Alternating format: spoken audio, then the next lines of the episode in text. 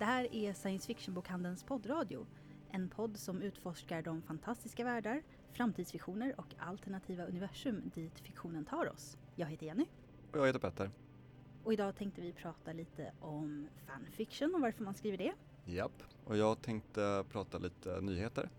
Dels tänkte vi prata om eh, Disneys, den här mässan de hade, D23, där de visade massa nytt spännande. Och även eh, att det kommer en remake på Final Fantasy 8 som släpps i dagarna.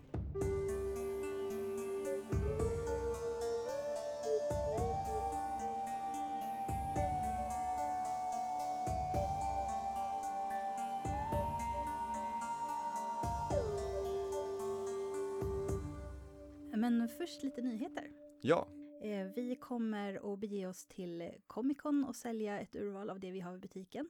Och det är då mellan den 13 och 15 september i Kista, på Kistamässan i Stockholm. i Stockholm. Och vi kommer befinna oss i bås F01 ifall någon vill komma förbi och shoppa lite när de ändå är där. Just det, eller säg hej. Ja. Eh, Men det allra roligaste vi kommer göra det är att vi kommer ha signeringar. Yes. Mm. Peter Bergting kommer dit och signerar på lördag klockan ett. Och eh, klockan tre så kommer Sara B. Elfgren och eh, Carl Jonsson, alltså de personerna som har gjort seriealbumen Vej, komma dit och signera. Och sen så händer det ju saker utanför Comic Con också, Ja, det gör ju det trots allt. faktiskt. För de som är i Stockholmsområdet, så i vår butik i Stockholm så kommer eh, författaren Dmitri Glukowski hit eh, och signerar den 14 september klockan 16.30 till 17.30. Och för de som inte vet så har Glukowski skrivit Metro-serien. Jag har ju bara läst första boken än så Mm. Metro 2033. Yes. Jag tyckte att det var en väldigt bra bok. Mm. Han tar upp väldigt många intressanta saker och det är så fascinerande att läsa en eh, rysk science fiction-författare när man är van vid eh, ja, amerikanska eller svenska till Mm. exempel. Eh, Det, det blir en annan stil och en annan vinkel på allting. Ja, Ja, jag, jag tyckte jättemycket om den boken. det är superspännande. Ja. Där finns det ju även seriespel också. Ja. Som, Tv-spel. Precis, exakt, ja. Nej men eh, det är superspännande, han är ju en av eh, de största namnen idag i, inom science fiction, Ja, får man ju ja. ändå säga liksom. ja, vi är alltid lika glada när han vill komma till oss. Ja. Ja. Så återigen, den 14 september klockan 16.30 i Stockholmsbutiken så kan ni komma och säga hej till honom och få era böcker signerade. Ja.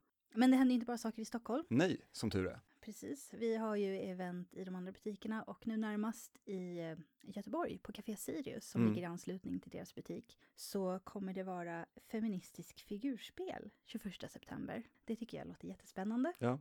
Eh, Så att eh, det tycker jag att man kan titta på Café Sirius sida om. Det kan vi ju tipsa om bara rent allmänt, att gå in och kolla där, för de arrangerar ju hela tiden massa roliga spelevent och annat kul Mm. och sådär, så det är bara att gå in.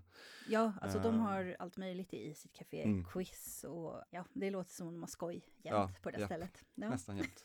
Eh, ja, och sen så är det ytterligare en kul grej som händer i Stockholm. Ja. Igen, två Stockholm den här gången. Det är den 21 september så är det Piratlördag med Ester Tagg. Eh, klockan 12 till 14. Eh, och då är det alltså, man kan få träffa författaren Linn Åslund som är aktuell med boken Ester Tagg och Tistelgorms hemlighet. ja, alltså man får träffa både författaren och tecknaren. Precis. Tecknaren heter då Rebecca Helmersson. Mm, mm. Och båda kommer vara i butiken mellan 12 och 14. Precis. Och då är det inte bara signering utan vi kommer ha lite skattjakt och vi kommer ha lite samtal och ja. Mm. Och. Ja, det är ju piratlördag. ja inte precis. bara Så det händer massor med saker. Precis. Så ta med barnen och eh, ha en piratlördag. Precis. Och eh, då kan vi hoppa rätt in i eh, och prata lite Disney som äger allt som har med populärkultur att göra dessa dagar känns det som. Ja, det känns lite som att eh, Shadowrun gjorde en liten miss där, där de pratade om vilka fem företag som kommer styra världen i en Ja, cybernetisk magisk eh, framtid. no, För det känns som att Disney kanske inte bara blir en utav fem, utan kanske det enda. en utav en. Ja, Ja, alla kommer behöva eh, gå runt med så här Musse Pigg-öron i framtiden. ja Eh, det kommer bli tvunget. Japp, Det är bara att vänja sig. Ja, exakt. Uh, är bara acceptera. Ja. Och Men vad har de gjort nu då? nu har de haft eh, sin årliga mässa i USA eh, där de presenterar massa nyheter. D23 heter den. Och då, i år handlar det mycket om deras nya streaming-service som heter Disney+. Och det är en absurd lista de har eh, med allt de utannonserat. Ska vi, jag kan bara dra igenom lite snabbt. Ja, gör det. Eh, först har vi Star Wars och då är det då dels eh, Rise of Skywalker, nya episod 9. Eh, sen har de ett gäng tv-serier. Eh, Mm. Och Rise Man- of Skywalker är nya huvudfilmen. Precis, precis. Den är en del av- avslutande delen i den nya serien, så den Ja. går på bio, den är inte på Disney Plus än. Men eh, tv-serier, eh, The Mandalorian, Ja, Bounty Hunter-historia. med Boba Fett eller? Pr- Nej, Nej. med en, jag tror inte de har sagt ett namn på den här personen än. Han heter bara The Mandalorian och han Okej. är Bounty Hunter. Sen så har vi en miniserie med Obi-Wan Kenobi med Ewan McGregor i huvudrollen som gör sitt, han är tillbaka från prequel-trilogin. Alltså jag Eh, gillade ju verkligen honom. I, Han var ju eh, typ det enda som man, eh, Ja. kanske, kanske inte det enda. Alltså men, jag, jag tycker ju faktiskt att det finns, eh, när det gäller eh, prequel-trilogin, mm, att det finns russin man kan plocka ur kakan. ja, Det, det finns bitar Två, som eh, kanske. man gillar. Ewan McGregor är en. Ja, Japp. Russinet McGregor. Eh, nej men det, ja. Det, här, vi, det kan vi eh, flagga för lite nu, eftersom det kommer en episod 9 i höst så kommer vi ha, eller i, i jul snarare, så kommer, det kommer ett avsnitt som bara kommer, där vi kommer gotta ner oss massor i Star Wars. Ja. Eh, så då kan vi ju diskutera. jag ska se om prequel-trilogin till dess, för det var verkligen, jag har inte sett dem sedan de kom ut, vilket är väl över 20 år sedan. Ja, Gud, jag vet inte ens när det var. nej men det är minst, 99 kom den första och 2005 kom episod 3. Ja, men det är ju länge sedan. Eh, och så kan jag plocka ut och, och då kan jag ju ta upp vad det var i dem som jag faktiskt Ja. tyckte var bra. För det fanns bitar som jag kommer ihåg att jag faktiskt gillade, för jag kommer inte riktigt ihåg vilka det var nu, Ja, för men det, var så himla det länge finns, sedan. Det finns stunder, scener som ändå är, Ja. är, är kul liksom. Och om man ska ta en liten kort parentes, vi har lite för många parenteser, och framförallt när det gäller Star Wars, Mm, så att vi får ta det gillar lugnt. Star Wars. Vi gillar Star Wars. Men eh, om jag minns rätt så är bakgrunden, det som handlade om själva Star Wars-universat, var ganska väl utbyggt om jag minns rätt. Alltså själva, Mm. om man tänker på bakgrundshistorien, vilka planeter som finns och hur de har förhållande till varandra och sådär. Mm. Men det, det, jag får kolla upp det, jag får helt enkelt se om filmerna. Ja, precis. Ja. Mycket tråkigt senatprat och sånt där liksom. Jag bara, är det här Star Wars? Ja. Anyways, uh, McGregor är i alla fall tillbaka som Mm. Obi-Wan. Det Ja. kan bli jättekul, tänker Mm. jag. Sen kommer en serie med Cassian Andor, eh, som jag tidigare idag eh, hade helt glömt bort namnet på, men det är alltså han från Rogue One, för er som kommer ihåg Just den det, filmen. Cassian hette Mm, han, precis. jag ihåg. Han får en egen serie. Och det är väl det som är för Star Wars. Inte så mycket än så länge. Jag tror Disney fortfarande är lite så här att de eh, försöker lista ut vad det är de vill göra med, med, med, med hela den franchisen. Alltså det finns ju alltid en risk att, eh, vad ska man säga, att marknaden blir övermättad Ja. om man släpper för mycket. Och, och jag, jag tror att det kan ha varit en av anledningarna till att solofilmen inte gick så bra. Folk Mm. var lite så här, fast nu har vi fått så mycket Star Wars och det här kanske inte är den historia som vi mest längtade efter. eller Precis, någonting. precis. Det, är- jag, känner- det känns som ett jättedumt beslut att det blev Mm. just den. Och den kom så tätt inpå Ja, eh, Episod ja. 8. Och Episod 8 var det också många som inte tyckte så jättemycket om. Eh, Ja. Sådär. Så det blev, det blev, jag tror att de, de, de tappade bollen där lite Disney. Det gick väldigt bra för dem efter tror jag, Episod 7. Då tyckte väldigt många, det var ju så här, alla såg fram emot det och sen så lite förhastade beslut känns det Mm. som. Ehm, men i alla fall, vi hoppas att de, att de gör något bra. Alltså man vill ju, Ja. Star Wars är ju kul men det, det, man vill ju att det bara ska vara bra också. Mm. Det ska inte bara vara kvantitet utan vi vill ju gärna ha kvalitet i det vi får. Ehm, Men de sysslar inte bara med Star Wars. Nej, sagt, de, de, äger typ allt. även Marvel De också. äger allt Marvel. Nej, inte allt va? Men de äger väldigt mycket Marvel. Det mesta, de äger ju Marvel som Mm. företag. Ehm, sådär. Och nu äger de även Fox, som har köpt Fox också. Ja. Så där fick de ett gäng eh, superhjältar. Ja. Jag tror det är Spiderman är väl den enda som är kvar hos Sony. ja, det var det jag tänkte. Visst är det Spiderman Ja, det som blev ju de lite en har? sån eh, kontrovers nu. Han är ju en Marvel-hjälte. Som, Precis, som ja. inte ägs av Marvel. Så Han är, jag tror han är den mest populära Ja, jag Marvel-hjälten. vet. Ja, var, de måste ju ångra det där varje dag att de råkade sälja honom eh, till, till Sony då. Och det har ju gått bra för Sony där nu. Ehm, med de två senaste Spiderman-filmerna har blivit väldigt Ja. omtyckta. Ja. Och jag gillade båda två väldigt mycket. Men nu har ju eh, Sony sagt att nu får Marvel inte använda Spiderman längre. Oj! Japp, eh, de gick ut med det för några veckor sedan och sa att eh, nu, eh, mm, typ, eh, nu vill vi inte att ni är med alls längre. Så att nu är det lite uppe, uppe i luften vad, vad som kommer hända. För att om Sony gör sin egen grej, då är det helt borta från Marvels cinematiska universum och alla de här serierna som den har varit. Så det får se vad som händer där. Um, Men det, det, kan man ju säga också att även i, i uh, serietidningarna mm. så var ju inte Spindelmannen med Avengers sådär jätteofta. Nej. Han var ju mest för sig själv, mm. trots allt. Ja, så att för hans del så är det väl inte något stort problem. Men, alltså om man tänker rent uh, i, inom universets uh, Nej, exakt, exakt. Samtidigt som att Tom Holland och den, hans Spiderman som har varit nu är ändå väldigt integrerad i, ja. i det narrativet som de har byggt nu under de senaste filmerna. Jo, så är det ju. Och man såg eh, Far From Home, den senaste filmen då som kom i, höst, i somras, mm. eh, där var det väldigt mycket setup inför nästa del i serien. Ah, ah. Så, så att, eh, vi får se vad som händer där. Det, men det de faktiskt äger och det som kommer på Disney Plus, eh, det här är helt galet. Det kommer Hawkeye få en egen serie. Hawkeye. Loki får en egen serie. Mm -hmm. WandaVision, alltså The Vision och uh, Scarlet Witch, mm -hmm. de får en egen serie. Uh, Falcon and the Winter Soldier får en egen serie. Mm -hmm. Miss Marvel får en egen serie. Jag trodde hon redan hade en. Ja, nu snart har hon det. Okay. She-Hulk får en egen serie. Uh, Moon Knight får en egen serie. Moon Knight. Uh, och uh, de ska även göra en serie på den här What If. Vet du vad det är? Ja, ja precis. Alternativa tidslinjer. Precis, precis. Jag kommer ihåg jag läste några sådana Alltså jag läste ju Marvel-serier på 80 och 90-talen. Mm. När det, alltså, och då läste jag det som kom ut på, kom ut på svenska, för mm. det var jag hade tillgång till. Och då liksom det jag fick mig till livs var ju lite så lösryckta berättelser från mm. olika tider och inget sammanhang. Och ibland dök det upp en liten sån här what if-berättelse. Mm. Jag tyckte de var roliga. Ja, jag tyckte de var väldigt kul. Mm. Uh, det var verkligen de jag sökte mig till när jag började läsa serier när jag var lite äldre mm. och man inte visste vad man skulle plocka och då var det ändå det, det är så här, alltså det är ju alltid, ska vi säga vad det är för någonting? Ja.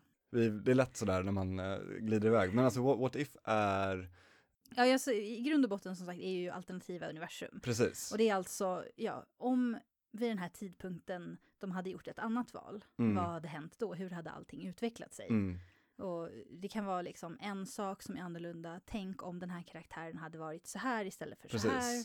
Hur säg hade, att, ja. Exempelvis typ, säg att uh, Green Goblin skulle blivit biten av den radioaktiva spindeln ja. och inte Spiderman. Uh, hur hade det sett ut? De utforskar roliga idéer kan man säga kortfattat. Mm. Så det kan bli, alltså det är kul idé för en tv-serie liksom att göra individuella avsnitt. Mm. Uh, och då kan det bli lite mer som, ja det blir ju mer fristående då, inte riktigt som en antologiserie men lite så här man kan se vilket avsnitt som helst man behöver mm. inte se dem i ordning. Nej. Kan jag tänka mig. Ja, nej men verkligen. Uh, jag vet inte, spontana tanken tycker jag när man ser den här långa, långa listan på Marvel-serier som ja. kommer. Uh, så... Att det blir för många?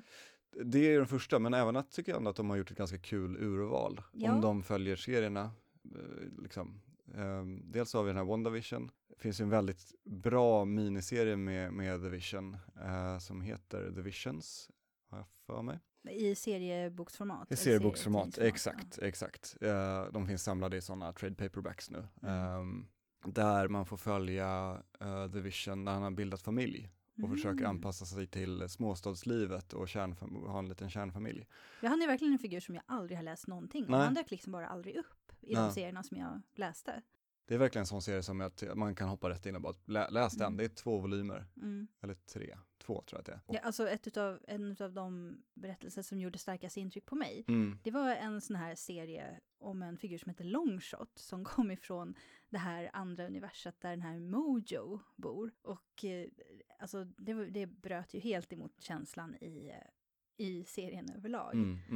Mm, mm. Och det var också en sån här udda karaktär som bara dök upp och sen försvann lite igen. Mm. I alla fall i de serierna som jag läste. Som sagt, när man inte har något sammanhang och inte kan välja riktigt det man ska läsa. Nej, då fick man det. Och vissa, vissa hjältar missar man bara totalt. Man kanske har talas om dem. Vision har kanske dykt upp eller någon har pratat om honom. Man bara, jaha, vem är det? Mm. Ja, han har väl kanske fått en, en liten, att han har varit med i, i, i filmerna. Ja, så tänker jag att han har fått ett mm. uppsving och blivit en väldigt, men är man med i filmerna så är man ju en av de mest välkända karaktärerna i Marvel. Men det säger ju alla också att alla egentligen som är med i de här filmerna jo, nästan alla i alla fall, är ju från början mindre kända hjältar. Mm, mm. Jag menar, Iron Man var ju inte stor innan Nej, precis. filmerna kom. Nej, och det var väl mycket, mycket för att, ja, men att Marvel var i det, den sitsen som de var i när, när Iron Man kom. Att det ja. är så här, vi har kvar, i våra rättigheter så har vi, har vi de här hjältarna. Uh, vi får göra det bästa vi kan utifrån det här. Och ja, för de mest kända det. är ju Spindelmannen och kanske X-Men då. Fantastic Four. Och Fantastic uh, Four, just det. Men de är inte så populära i Sverige. nej, de är väl, har väl tappat i stor, liksom, men ändå, alltså så här, historiskt sett så är det väl, de var väl först, om jag inte minns helt fel, eh, också. Alltså en av de första liksom, hjältegrupperna som Marvel gjorde överhuvudtaget. Ja, det kanske de var. För med det. Ja. Ni, eh, ni som lyssnar, skriv till oss och skäll på oss om vi har fel. ja, Men jag är ganska säker, jag kan ha fel. Vad tänkte jag på? Tappa tråden. att de hade gjort ett roligt urval. Bland annat. Ja, precis. Ja. Jag håller med exakt. Och att de lyfter fram, eh, Marvel har lyft fram hjältar som kanske inte var superkända för stora massan. Ja, jag tror nästan ingen i den gruppen var det. Utom i USA så var ju säkert Captain America Mm, mm, eh, välkänd. mm. Eh, och Spindelmannen förstås som har gästspelat oss senare. Ja, precis. Men, Men- han var ju inte med från början. Nej, han var ju inte med från början. Och ingen av de andra är ju jättestora. sen. Nej. Fast det måste jag säga, jag, jag läste ju Daredevil-serierna mycket när jag Mm. var liten. Och det Frank Miller? eh, jag har faktiskt ingen aning, Nej. jag var för liten, jag kommer inte ihåg Nej. någon författare. För att jag, jag har inte läst om dem heller på Nej, ganska länge. Men då var det ju en väldigt bra serie tyckte jag, där Black Widow dök upp och var med i, i en ganska lång berättelse. mm. som jag tyckte var jättebra då. Och jag fattade inte riktigt först att det var samma karaktär för att jag hade liksom en annan bild av henne än den framställning som görs i filmerna. Mm. Inte så att jag tycker att det är dåligt, men det, det var av någon anledning så var det lite så här, just det, men just det, det är ju den här karaktären Ja. som gjorde det här. Ja. Jag sa, det känns verkligen inte som samma person. Men hur var hon då liksom? Ja. Alltså, jag tyckte ju att hon kändes mer cynisk och mer dödlig. Vilket kanske känns så konstigt, för hon är ju ganska cynisk i, Mm. i filmerna. Mm. Men, vad ska man säga? Det kändes ännu mörkare på något vis. Och det kändes som att hon hade... Hon hade ju, just i den här serien som jag läste, så det handlade alltså om... Eh, som sagt, det här var kanske 25 år sedan. så att ha det i åtanke. Eh, hon var döende i någonting. Och eh, hon hade liksom tappat tron på allting och sådär. Men det kändes när hon pratade med Daredevil att de var mycket mer på samma nivå än vad det känns att hon är med de andra hjältarna i den här gruppen. För det känns, alltså man ska säga, det känns ofta att hon är lite mer en eftertanke. ja, verkligen. Om man nu ska vara lite kritisk. Ja, det har ju blivit bättre tycker jag. Just om vi pratar om filmerna eh, Ja. så tycker jag att det har blivit bättre, att hon har fått en mer framträdande roll Ja, och sådär. Så det är kul. Och hon får ju en egen film också. ja det är ju Nästa roligt. Ja, Och Scarlett Johansson är ju jättebra, så det, det, det kommer säkert bli, bli toppen. Mm. Det gick ju som det gick med henne i Endgame, men eh, det blir ju bra ändå. Eh, andra eh, som jag tycker verkar kul i den här serien, uh, She-Hulk är ju väldigt jag undrar om någon kommer ta, för det finns även där en ganska kul miniserie med She-Hulk som man kan hoppa in och läsa, där hon Mm. är advokat för superhjältar. det. eh, som är superspännande och väldigt... För hon som blir She-Hulk, hon är väl en utbildad advokat från början? Precis, innan hon blir, precis. Ja. Ja. men nu är det liksom att hon är det för superhjältar. Den Ja. är, det är en superbra liten ark. Eh, väldigt kul och annorlunda liksom. Så att, Mm. Jag har alltid gillat henne, eller hur hon ser ut, eller vad man ska säga. Men jag tycker det är lite roligt, för hon är liksom en precis lika snygg mm, eh, kvinna som hon är från början. Bara något liksom större grön. skala Ja. och lite grönare. Ja, det är inte som att hon blir en Hulk, Nej, liksom, som nej. Hulken. Hon blir Nej, bara nej, så här, eh, hon blir en väldigt vacker kvinna i så här, lite uppskalad bara. ja, precis. och ja. lite annan färgskala. Ja, fast superstark. Och liksom, med samma, superstark. samma styrkor som Hulken har. Liksom. Ja. Det är en väldigt kul mm. karaktär. Ja. Ja. Men jag tror att det är, om de, alltså, tänk dig ett så legal drama i Marvel-universumet Mm. med en grön jättekvinna i huvudrollen. Ja. Det, ja, Det skulle vara det kul. kan bli kul. Ja. Jag hoppas att det är det de gör i alla fall. Eh, och även Miss Marvel är också kul att de gör eh, serie av. Just det, Ja. också en hjälte som jag ver- verkligen inte har koll på. Nej, inte att förblandas med Captain Marvel som eh, är med i filmerna. Men är det två olika personer? Det är två olika. Eh, nu minns, det är lite dimmigt där exakt hur de håller, hänger ihop, men jag tror att Miss Marvel har Captain Marvels krafter. Har Okej. för mig.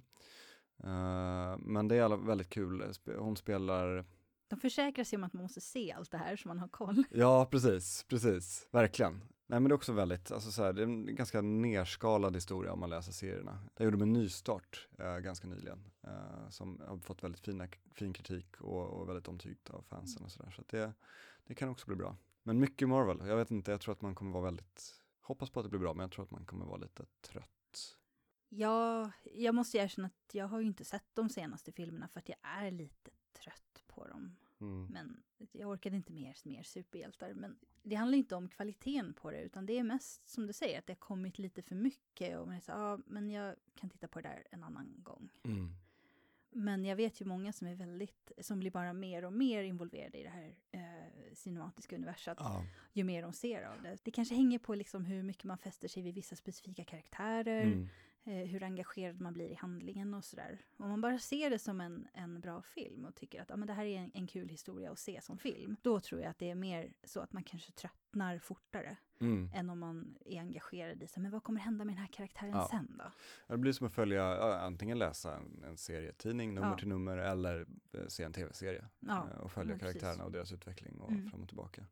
Sådär. Så det, Så det är Star Wars och Marvel för hela slanten? Japp, jajamän. Ja. Dock kan man ju säga det också som en liten plot twist att det här är ju då på Disney Plus som inte kommer finnas i Sverige när det släpps i höst, utan det kommer först gissningsvis i början på nästa år.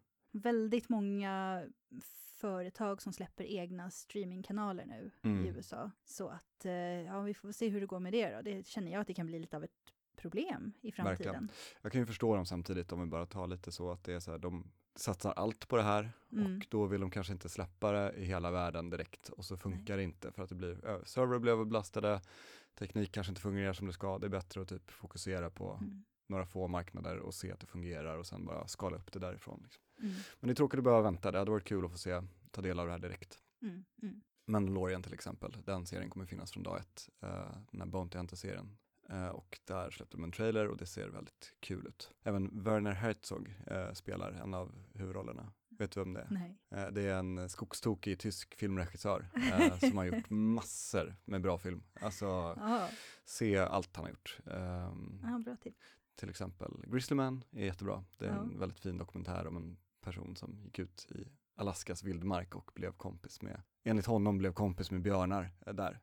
Sen blev han ihjälbiten av en björn. Det var ju Ehm, inte så roligt. Nej, precis. Men det, den är väldigt, han är en unik karaktär den personen. Ehm, väldigt sevärd. Och Werner Herzog är, det är fantastiskt att han är med i Star Wars-universumet. Jag älskar det så himla mycket. Ja. Nej, men det, det kommer ju bli så att folk som vet hur man gör kommer ju kunna se det här ändå. Ja, Även när det inte är släppt Nej. officiellt. Eh, men jag hoppas att de släpper det officiellt här så fort som möjligt så att alla kan få tillgång till ja det. precis. Ja. Det är faktiskt mycket smidigare på det sättet. Ja, Final Fantasy. Final Fantasy 8, närmare bestämt, Exakt. får ju en ny, får ju ett nytt, blir släppt på nytt. Exakt, precis. De har gjort en eh, remaster på det. Square Enix har ju eh, piffat till alla de klassiska Playstation Final Fantasy-spelen. Men det har ju varit väldigt eh, tyst om det. Folk har ju undrat eftersom 7 och 9 släpptes eh, i mm, remasterad. Eh, Ja, det gick ju rykten om att oh, de har tappat bort koden Exakt, till originalspelet. Ja. Och det kommer aldrig hända och bara så här, det är Mm. förlorat för alltid. Ja. Typ. Och sen på E3 i år så, så kom den glada nyheten att det faktiskt kommer en eh, remaster på 8 även. Eh, och nu är den tiden här. Det släpps ja, för, om, för en vecka sedan när ni lyssnar på det här imorgon för oss som spelar in det. Eh, du har spelat, för, jag har bara spelat början, de första timmarna av Final Fantasy 8. Mm. Jag har inte spelat klart hela spelet, men Nej. jag har spelat fram till typ sista, sista biten, eller Mm. vad man ska säga. Jag har varit igenom Lunatic Pandora, jag har varit uppe i rymden och så har jag landat igen. Man kommer till rymden alltså. Man kommer till rymden. Spoilers. Eh, ja, allmän spoiler. Men För ett spel som är 20 år gammalt. Ja, någon måtta får det vara. Mm. Alltså jag, det är ett ganska, alltså det här är ett spel där meningarna verkligen går isär. Mm. Eh, jag tycker att det finns väldigt mycket bra och väldigt mycket som är ganska dåligt med det. Mm. För, men det också beror på vilken slags spelare man är. För jag hatar att gå och samla på saker. Så att det här vapenuppgraderingssystemet där man måste besegra en specifik fiende för att få en specifik skruv som de bara tappar ibland, Åh nej. var inte min grej. Det finns i Final Fantasy 8. Ja, det är så man uppgraderar vapnen. Om man inte, alltså, man kan ha ganska dåliga vapen rätt så länge, så kommer man till en stad och där kan man bara köpa bättre vapen. Men man kan inte köpa bättre vapen direkt som man kan i andra Final Fantasy-spel till exempel. Man Nej. kommer till en ny stad och där finns det lite nya vapen och så, så är det inte. Men däremot så, de har ju också ett ganska komplicerat magisystem där man eh, fäster magi vid olika egenskaper och liksom så förstärker magin olika förmågor och de kan göra så att man får mer livskraft och alltså det, det finns jättemånga variabler. Men det är inte fullt så komplicerat som det låter. Nej, jag blev lite, det känns lite svindlande bara. Ja. Du, Alltså det låter komplicerat. Eh, det är mindre komplicerat än det låter, men det är fortfarande mer komplicerat än, än vad som är roligt för alla spelare att spela. Och just den biten hade jag inget emot, liksom, att dra magi. Man drar magi från fiender eller från vissa delar av naturen och så kan man ha högst 99 magienheter av varje sorts magi. Och så kan man fästa den vid olika e- egenskaper och, och förstärker då olika saker. gör man det fight to fight eller är det liksom något som man Man kan slänga bygger? magi också. Nej, men det är snarare så att man, man fäster magin vid, jag kommer inte ihåg vad det heter, men, men det som gör så att man har mer livskraft. Och så får man mer livskraft när man har liksom 99 magienheter fästa på den. Ja, det är lite svårt att förklara. eh, I vilket fall. Eh, så det jag använde väldigt mycket i strider, det var ju eh, åkalla såna här Guardian Forces, som de kallar det för. Det är alltså Final Fantasy 8s version av ja, summon-materia. Eller. Mm, eh, om man nu spelat Final Fantasy 7 mycket. mm. Eller Esper som man Ja, kommer precis. från FF6. Summons, och liksom. i, Ja, i nian så heter de Eidolons tror jag. Just det, precis. Och så vidare. Alla de här vanliga Ramu, Ifrit. Exakt. Eh, ehm, vad heter hon med is? Shiva, Ja, av någon anledning. det. Och så vidare och så vidare. Det finns några som är originella för just det spelet. De är väldigt bra att slåss med. De är ganska varierade i FF8 och men allt det här är ju från originalversionen och allt Mm. det här kan de ha ändrat i Precis. den nya versionen. Mm. Så att lyssna inte för mycket på det här, jag ska inte förklara hela det här spelet. Ett problem är ett problem som var väldigt, som väldigt många tyckte var ett problem med åttan, det var ju att eh, animationen för varje gång man gjorde en åkallan Exakt, gud, jag minns var den. så lång Ja. och den gick inte att trycka förbi. Nej, Och varje gång man åkallade Leviathan, som jag gjorde ganska mycket, för den var väldigt praktisk, så ska man vänta på att liksom, först ska det byggas upp en stor stenmur och så kommer det så här lite vatten forsande, så kommer Ja. det mer vatten forsande och så forsar ner som ett stort vattenfall. gud. och sen dyker den här Leviathan, Ja. dra, vattendraken upp och sprutar liksom eh, sin attack mot fienden. Ja. Och det här är så här, det är Och då är det en attack. Ja, ja, det är jättefint. Och alla Mm. fienderna dör typ oftast. Ja, det är en one shot. Eh, Inte ja, i slutet av spelet kan jag tänka alltså, mig att det måste bli att man ser det typ. Jag använder ju det här mycket, gan- ganska mycket på vanliga fiender. Ja. Men alltså, det är fint, men Mm. man vill inte vänta så lång tid varje gång. nej, nej. Och, exakt. Ja, Och om man sätter det här, det blir väldigt mycket när, alltså så här, stri, strider är ju en stor del av Final Ja. Fantasy-spel. Alla spel. Och eh, ja, jag vet, där jag minns, jag spelade demot när det kom, Mm. back in the day liksom. Och redan då så kände jag så här, det här är bara typ spelutvecklarna som är- väl lite kära i den nya tekniken Ja, och bara wow, ja. kolla vad vi kan göra nu Mm. liksom. För det, det kan man verkligen tänka på när det gäller FF7 och FF8. Mm. Att eh, FF8s grafik, även i, i originalversion, är så mycket bättre än Mm. FF7. Men de kom ut i samma konsol med samma teknik. Typ inte många år emellan. Nej, jag tror det var kanske ett år emellan. ja, ett eller två år. Och eh, det är bara det att utvecklarna, spelutvecklarna hade lärt sig hur man använder systemet för att göra det bästa möjliga utav Mm, det. Eller de mm. blev ju bara ännu bättre efter Ja. ännu längre tid. Men Precis. i början med FF7 så, alltså därför de ser så där blockiga och konstiga ut. De hade liksom, de kom direkt ifrån pixelteknologin liksom, Mm, med, mm. med, eh, från, från Super Nintendo. Precis. Och ja, det, det tar ett tag innan man, Ja, det är lite natt och dag nästan, de två teknikerna hur Ja. de fungerar. Eller lite, det är ju det 100 procent.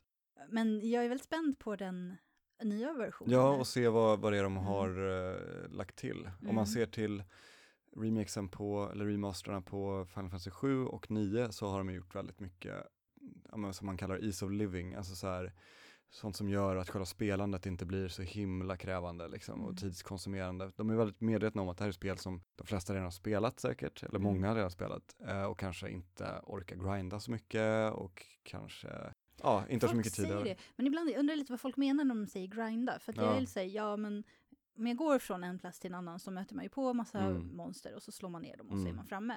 Eh, jag, jag brukar inte tänka på det som att Nej. grinda, men jag tänker att många kanske gör det. Att Mm. de tycker det är liksom väldigt jobbigt att alltid ha de här uh, fiendemötena. Mm. Men jag har faktiskt inget emot det. Nej, Jag, tycker det jag inte gillar det, det är liksom att gå och göra sånt extra sånt. Mm. Det, det brukar inte jag orka. Gå runt Nej. och så här, men nu vill jag komma upp till den här leveln så jag går så här tio varv runt den här stan. Det är det som få- är grinda. Ja, Eh, nej, det är inte för mig. nej. Men jag har aldrig gjort det i de här spelen heller. Jag, Inte? nej, jag tycker väl inte att det har behövts. Fast å andra sidan, Ja, jag menar jag spelade om Final Fantasy 9 ja, i våras, eh, ganska nyligen. Eh, och där är det ju så här, man kan komma till områden där det är som att gå rätt in i en vägg. Alltså så här, plötsligt så är fienderna svinstarka. Alltså man, man dör, alltså så här, det finns inte en chans att man, att man kan klara det.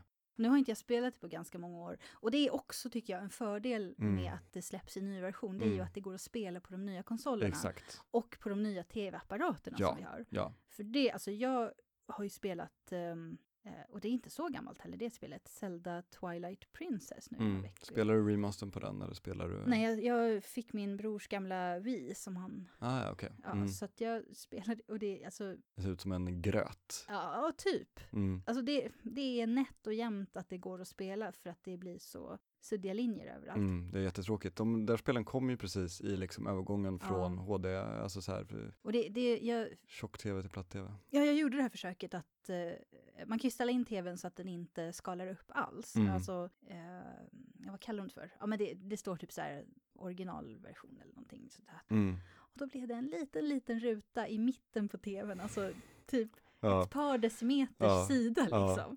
han bara fram med förstoringsglaset. Ja, och den, den blev ju väldigt klar och fin då. Man fick ju gå väldigt nära tvn för att se någonting. Inte optimalt. Nej, det var inte optimalt. Och därför så tycker jag att det är bra att spel släpps på nytt. Men Mm. jag hoppas att de inte tar så himla mycket betalt för det då. Jag Det, tror att det är runt 200 kronor. Ja, det är ju faktiskt ganska bra. Jag tycker det är helt fair. Och vill man vänta lite så kommer det alltid reor. eh, ja, och där det är ännu billigare. begagnat och... Ja, Ja. gud ja. Eh, jag tror inte den släpps fysiskt dock. Eh, så att eh, begagnat är kört. Om okej. du inte köper en konsol där det ligger sparat på. Ja, Det är det, så- känns lite det är så du får det komplicerat. begagnat. Ja. Nej, men Eh. då får man helt enkelt, ja men som sagt, det kommer säkert på lite reor om Mm. man inte vill eh, ge full pris på en gång. Men du skulle rekommendera, du kan ändå att det är värt att spela Final Fantasy 8. Ja, det, jag har ju bara pratat om spelmekaniken nu. Mm. Eh, jag tyckte ju om karaktärerna i det, Mm. de allra flesta.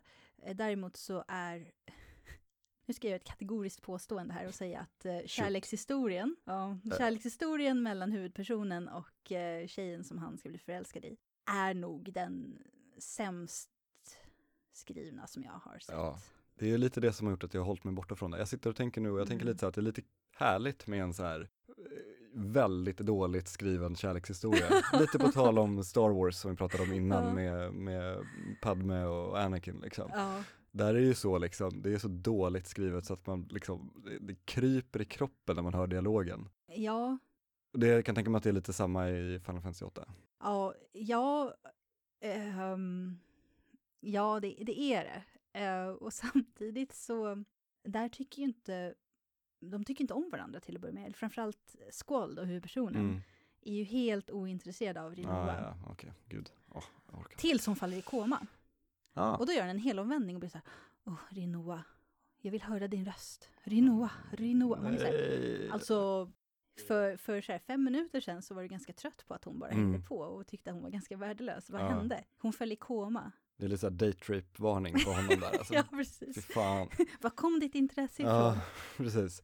Det finns ett väldigt roligt meme, uh, jag vet inte om du har sett det, men eh, på tal om eh, det här som har varit innan uh, remastern kom, så Mm. är det typ när hon går fram till Skål och säger, you're the, det är på en fest, och Ja, hon säger you're the prettiest boy around.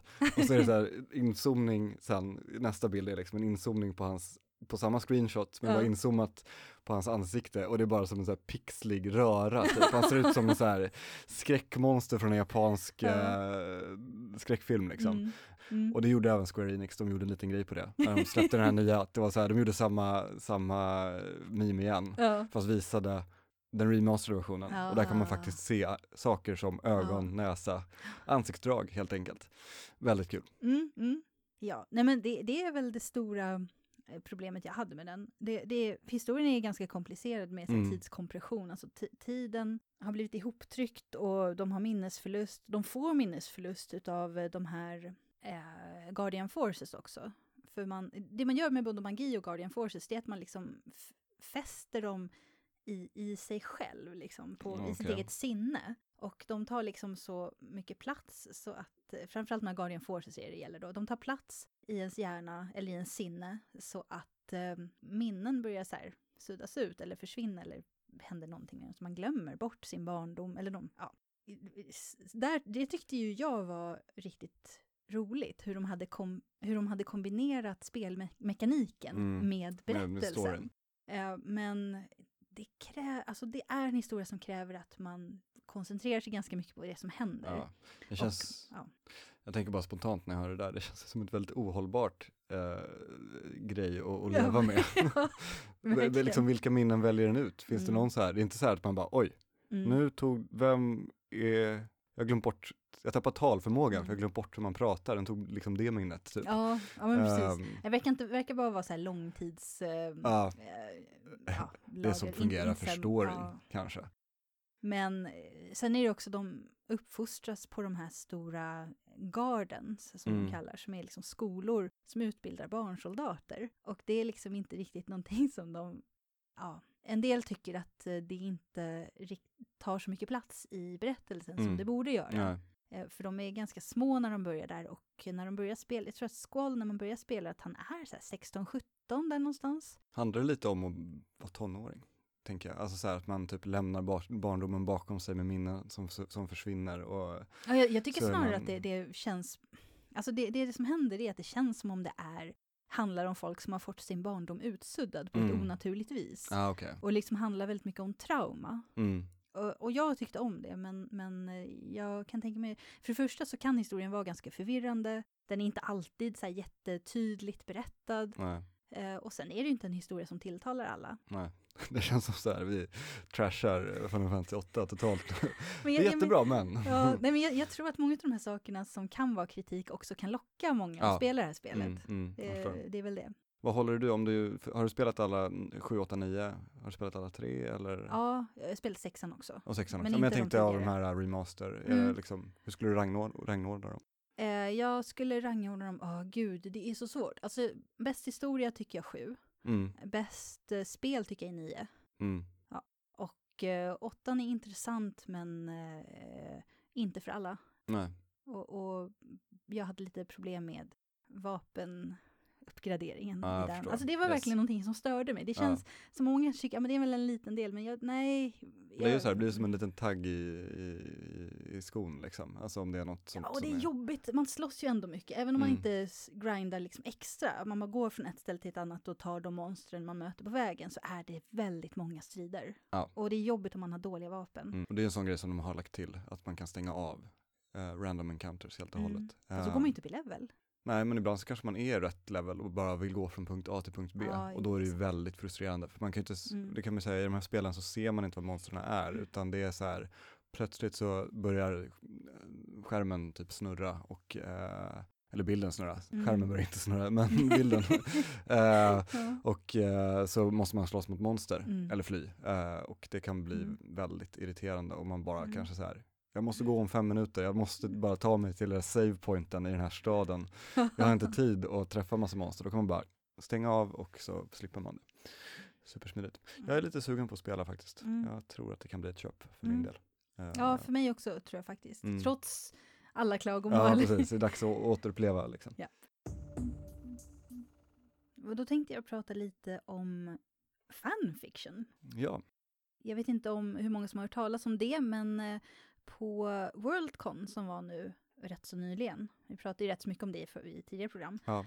då delade de ut eh, Hugo-priset, eh, vilket röstas fram då av de som deltar på Worldcon.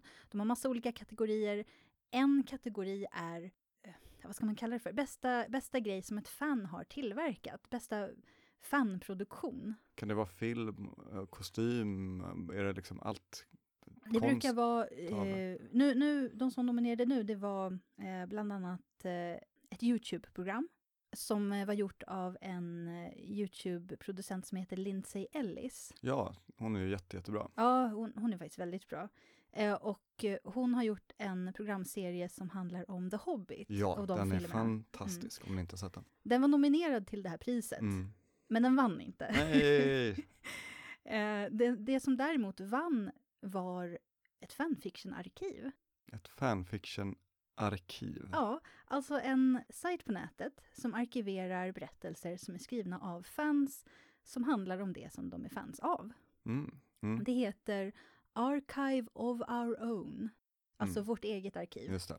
Och de har en .org-adress. Jag, vi länkar till det i programinformationen sen, Yes. så att alla kan klicka på det om de vill. Och där finns det då berättelser från alla upptänkliga kanon som finns. Och det är film, det är tv-spel, det är böcker, tv-serier, allting som man kan vara ett fan av kan man också skriva fanfiction om. Och jag som inte är, är något, eh, jag har inte läst så mycket fanfic. Jag tänker ju, det här är min bild av det eh, och den stämmer garanterat inte. Men jag tänker att det är typ eh, folk som gillar att skriva snuskhistorier eh, Ja, det, det är om det sina som... favoritkaraktärer. Typ.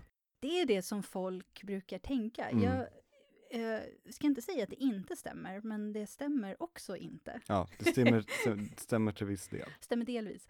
Det. Jo, men det är ju så här, folk tycker om att skriva romantiska berättelser. Mm. För folk, mång, många människor gillar romantik. Mm.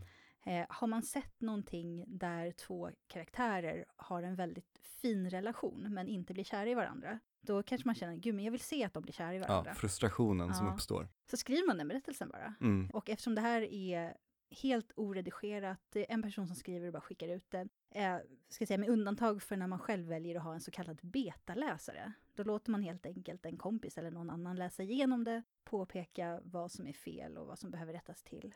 Och sen rättar man till det själv innan man skickar ut det. Mm. Alla gör inte det här, Nej. men eh, alltså det är en slags eh, amatör eh, Redi- redigerare Ja. Mm. helt enkelt, en betaläsare. Men eh, eftersom det till största delen är ganska oredigerat så skickar folk bara ut, de lägger upp det de har skrivit bara. Och det är ju folk i alla åldrar. Mm. Och eh, det är ju såklart många som vill skriva liksom berättelser där karaktärerna har sex också. Mm. Det är jättevanligt. Men det, det är svårt att säga vad som är vanligast. Det som också är väldigt vanligt är... eh, det här skulle jag vilja säga är den absolut vanligaste genren. Framförallt bland förstagångsförfattare. Det är att skriva in sig själv i det universum som man har... mm. Ja, fram, alltså, för det är många barn som börjar skriva. Ja, Och är man liksom 11-12 till exempel, Ja. och så har man spelat Final Fantasy, som vi precis Ja. eh, pratade om. Och det är så här, ja men tänk, tänk om jag blev förflyttad till den här världen. mm. Vad skulle hända då? Liksom? Vilka svärd skulle jag ha? Ja. Vilka skulle jag Mm. träffa? Mm. Det är ofta inte romantik inblandat. Nej. Ibland är det det. Nej, ja. Det beror också ofta på åldern på den som har skrivit det, eh, vad den är intresserad av. det kan man ju också säga, det finns ett annat arkiv som heter Wattpad. Okej. Ja, eh, det är väldigt mycket fanfic som handlar om det brittiska bandet One Direction. Och där nästan all fanfic handlar om hur en, liksom den som skriver berättelsen, antingen skriver så här jag-form, jag träffar en i bandet Mm. och vi blir kära, Mm. eller i du-form, Mm. du träffar en i bandet och ni blir kära. Mm, Okej, gud, hjälp. Så det, det finns alla varianter, Ja. men det som, jag har ju varit med i online fandom i Mm. 20, över 20 år nu. Just det. Jag har läst väldigt mycket fanfiction och det som jag gillar och det som också finns väldigt mycket av, det är, det påminner mer om det som jag egentligen också kallar fanfiction, nämligen till exempel då Star Wars-böckerna, Extended, heter Expanded eller Extended? Det expanderade universumet i Star Wars där olika författare får i uppdrag att skriva en berättelse som utspelar sig i Star Wars-universumet Mm. det är liksom ett äventyr. Men de där, i de här officiella fanfic-berättelserna, Ja. eller vad man ska kalla dem, Vilket de är, typ. ja, i, i liksom sin essens så är det Mm. samma sak, det är samma Mm. mekanik. Just Liksom det. man tar karaktär som någon annan har skapat och skriver en egen berättelse. Mm. Sen så gör man det, mm, i det fallet så har man ju varumärket Star Wars Ja. i ryggen. Och då Precis. blir det officiellt på något märkligt sätt. Ja, de- man de gör samma stora- sak, bara det att det, Ja, de stora skillnaderna det är ju att eh, de här böckerna, och det här är ju inte alltid fallet, det är inte alltid de här böckerna anses vara kanon. mm. Eh, ibland, som i Doctor Who, så är det inte specificerat om det är kanon eller nej, inte. nej, av de som äger upphovsrätten. nej. Star Wars har ju brutit med allt som skrevs fram tills eh, Mm. Disney Episod 7. Men de nya böckerna ska ju vara kanon. De är ju kanon, men det gamla har inte hänt nu. Precis. Eh, men det finns ju en hel del gamla berättelser där upphovsrätten inte längre gäller. Mm. Som till exempel det mesta Sherlock Holmes. Just det. Så att där får vem som helst skriva Mm. och publicera. Man behöver inte betala till någon för att upphovsrätten har gått ut, helt Ja. enkelt. Det är ingen som äger den. Vi har ju massor med sånt i bokhandeln. Ja, det, alltså man märker när upphovsrätten går ut på Sherlock någonting. träffar Cthulhu Ja. till exempel. Ja, för eh, H.P. Lovecrafts grejer omfattas inte heller Nej. av Så det är upphovsrätten. perfekt, det är bara att plocka och välja och vraka som man vill. Precis. Jag beskriver ju bara fanfic i grund och botten som det är en berättelse som handlar om karaktärer och universum som någon annan har skapat än den som är författaren till just den berättelsen. Och då är det ju väldigt mycket som omfattas av det. Men det är inte alla som använder den definitionen som Nej, sagt. Men, nej, men vad det, säger de då? då? Är det... nej men eh, det här är officiellt publicerat. Mm. Ja, det är inte del av kanon men det är godkänt av de som äger Mm, upphovsrätten mm. och då är det inte fanfic. Men jag, jag tycker ju att det är det. Ja. Men det är många som inte håller med. Men som sagt, det som jag gillar det är ju då, men säg en, en extra äventyrsberättelse. Bara det att, eh, jag tycker också om romantik väldigt mycket. Mm. Så att eh, till exempel i eh, Star Trek så tycker jag väldigt mycket om förhållandet mellan Kirk och Spock. Det är ju klassiskt också. ja, gud. Det måste ju vara en av de första och bara så här. Ja, det, det var de som, som eh, myntade uttrycket slash. Ja, ja, just det. Som, nej men jag, jag, jag tycker om att läsa berättelser när de blir tillsammans. Mm. Och då, det som jag tycker bäst om det är ju då till exempel som ett avsnitt ur serien. De kommer till en ny planet, det är ett mysterium som ska lösas. eh, Men eh, B-handlingen, eller vad man ska säga, Mm. eh, är också att de blir förälskade i varandra Mm. och inleder ett förhållande. Mm. Men eh, när jag var fan av Supernatural till exempel. Mm. Där kan, fast där blir det lite incestvarning om Ja, det, det finns jättemycket incestfic, men Ja, där... det. Ja, det finns Mm. jättemycket. Men där... alltså det här, det här är fandom, allt Wow. finns. Men jag menar, folk älskade Game of Thrones. Ja, Ja, det är sant. Där var det också lite sånt. Fast Lite. det var, där var det canon. det var, ja, det var det. ja. Eh, nej men det jag gillade med Supernatural, då hade jag inget par som jag ville skulle bli tillsammans. Nej, Då tyckte jag om att läsa crossovers. Okej. Och det är alltså när karaktärerna från ett universum möter karaktärer från ett annat universum. Mm. Och några av de roligaste som fanns, tyckte jag då, det var Sam och Dean då som är huvudpersoner i Supernatural. De möter ju massa övernaturliga varelser som är farliga och de måste ofta besegra dem på olika sätt och, och hindra dem från att mörda människor. Mm. De mötte personer ifrån den här kriminalserien Criminal Minds. Jaha. Ja, Och Criminal Minds är väl ändå ganska, eller ska det finns inget övernaturligt. vara var grundat i verkligheten Ja. på något sätt. De jagar ju seriemördare. Just det. Men om man ser på, på liksom bröderna i Supernatural och vad de, hur ser deras värld ut? Om man säger, det finns inget övernaturligt. Mm. De ser ut som seriemördare. Ja, Alltså de verkar ju det verkligen vara seriemördare. en väldigt kul, eh, Ja. Och det, det som händer då, det är ju att de här två universerna, de krockar ju. mm. Och Sam Dean, de jagar liksom en vampyr till exempel. ja, Men från Criminal Minds-personernas eh, synvinkel. de bara, ni är skogstokiga Ja, båda precis. två. De är så här, men ni, ni försöker mörda en massa personer som ni tror är vampyrer. Ja. Ni har ju någon form av psykos. Vampyrer finns inte. Precis. Men eftersom vampyrer finns så, ja. Alltså det kan bli riktigt, riktigt underhållande berättelser av det här universum som, som krockar med varandra. Mm. Det känns ju ändå ganska kreativt. Alltså jag Mm. kan tycka, det är det som jag tycker är lite tråkigt. Alltså så här, Spock och Kirk, man bara, åh gud, det är så himla, det är så lätt liksom. Eh, det känns som det finns liksom ingen riktig, alltså visst sen kan man ju, hur man skriver är ju en annan grej, men själva idén tycker jag är trist typ. Och alltså så här, just det att det är, väldigt- samma, att det är samma idé, att det är så här, Men det är väldigt mycket det med fanfic, att Mm. eh, folk skriver det som de känner att de inte får ut av, Precis, eh, ja. av kanon. ja, Och just när det gäller Kirk och Spock, det, är, det är väldigt lätt. Det ja, är för att de står varandra så nära. Ja, Men de tar aldrig riktigt det här sista steget. Nej. Och det kan vara väldigt frustrerande. Ja, Man känner ja. som en, fast ni är ju nästan tillsammans, kan ni bara bli precis, det då? bli det. Ja. Ja. och jag tycker, jag menar, det, det är väl därför jag inte är något fan av fanfic, för jag tycker att det är så här, jag, det, det, det är inte därför jag ser serier och sådär, alltså det är inte för, för relationerna. Oftast sen finns det ju, an- alltså det känns som, Men det är går- inte det när man, det är inte det heller liksom, eftersom när man skriver fanfic så är det mer att man gör ett tillägg till det Mm. som man redan gillar. mm, Det är inte det att man, ja men jag vill att det som jag gillar är någonting annat, utan här, jag vill att det är det det är, mm, plus det här. ja, Det är därför som fanfic för sig ofta inte funkar. Men det är ju för att den förutsätter att allt det som hänt i kanon redan finns, Ja. redan har hänt. Så att Mm. man gör bara liksom som ett Ja. tillägg. det. Fanfic är ju väldigt mycket så här, det här är det som hände sen i, Mm. min, liksom i min fantasi, Ja. eller i min version. Därför jag tycker det är så intressant att läsa fanfic för att eh, det är också ett sätt att se hur andra fans tänker på Mm. Ja, serien. det är ju superspännande. Ja, och, och tänker på karaktärerna. Hur, Mm. hur ser ni de här karaktärerna? Mm. Vad har ni för tolkning av dem? Ja. För det är väl där, lite där det ligger i kan jag tänka mig, att det är Mm. så här hur du måste ha det som hänt i åtanke. Det blir en begränsning Mm. och sen typ, det är en form av kreativitet, kreativiteten då och se vad man kan få till att funka. mm, Liksom. Mm. Ja, och i och med att det inte begränsas av någon Mm. så kan man pröva precis vad som helst. Mm. Personerna i Supernatural kan möta dem i Criminal Minds och det är varken kostnader eller någonting annat begränsar vad som kan hända, utan det är bara författarens egen fantasi. Och alla har inte liksom så bra fantasi, men det Nej. finns folk som har fantastisk Ja. fantasi. det Jag kan det tänka mig är att det kan vara väldigt, väldigt underhållande att läsa superdålig fanfic också. Ja. Att det är liksom, det blir humor av det typ. Ja, så mm, som avslutning ska vi säga då att eh, fanfiction är, är Mm. jätteroligt, men glöm inte att behålla distansen. Nej, exakt. Mm. Ja, det var det vi hade för den här gången. Eh, Ja. Vi är tillbaka igen om två veckor. Har ni några tankar eller frågor, funderingar eh, kring det vi pratat om idag så är det bara att höra av er till oss. Eh, vi finns på mail eh, podd.sfbok.se, podd med två d Och man kan också höra av sig på Facebook och på Instagram. På Instagram heter vi sfbok och på Facebook kan man bara söka på science fiction-bokhandeln så hittar ni oss. Precis. Och alla länkar till allting finns ju på vår hemsida Precis. som är www.sfbok.se. Yes, och som sagt, vi hörs igen om två veckor. Hej då! Hej då!